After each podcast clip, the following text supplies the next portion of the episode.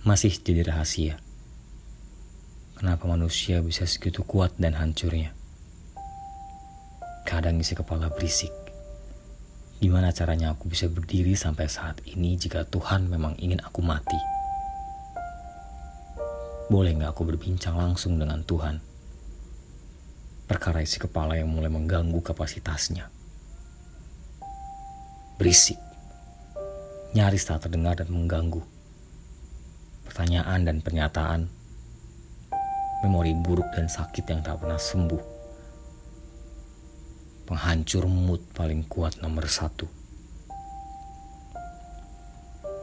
Hei, makhluk Tuhan yang paling suci. Bicara ketuhanan paling tinggi, seolah mental buruk tak ingat bagaimana cara bersujud. Bukan kami tak tahu. Kami hanya ingin bertanya langsung pada yang kami sembah. Jika kami harus kuat ini berdiri menjalani semuanya. Kasih kami alasan yang menjawab semua pertanyaan di kepala tengah malam.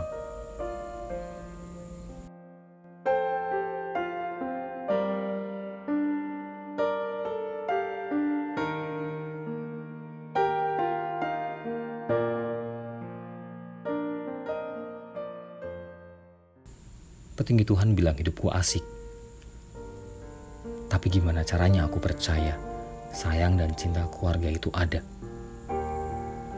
Tengah malam pukul 2. Tepat di hari aku lahir, aku ditinggal di depan pintu rumah keluarga baik oleh tangan ibu kandungku sendiri. Malam hari pukul 9, di umur 4 tahun menggunakan daster kecil, aku ditinggal oleh yang mereka sebut ayah kandungku.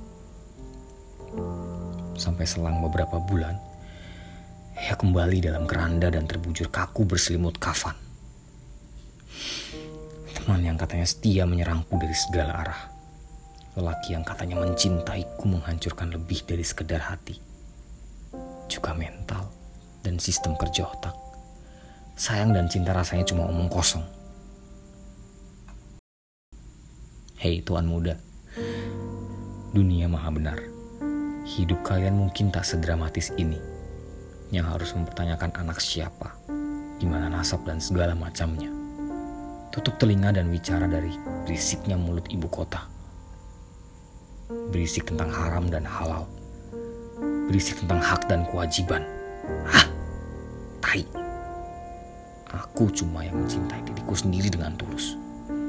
Iya, cuma aku yang mencintai diriku dengan tulus. Dengan segala kerasnya, Aku tak biarkan siapa pun bisa menyakitiku. Apa pun bentuknya. Keras. Hidup yang seakan dunia ini indah. Cuma di dongeng, Bung. Sinetron. Mimpi. Buku cerita. Mereka yang berisik bicara. Jangan nangis. Kamu kuat. Iya, merobek sisi baik diriku beberapa tahun lalu.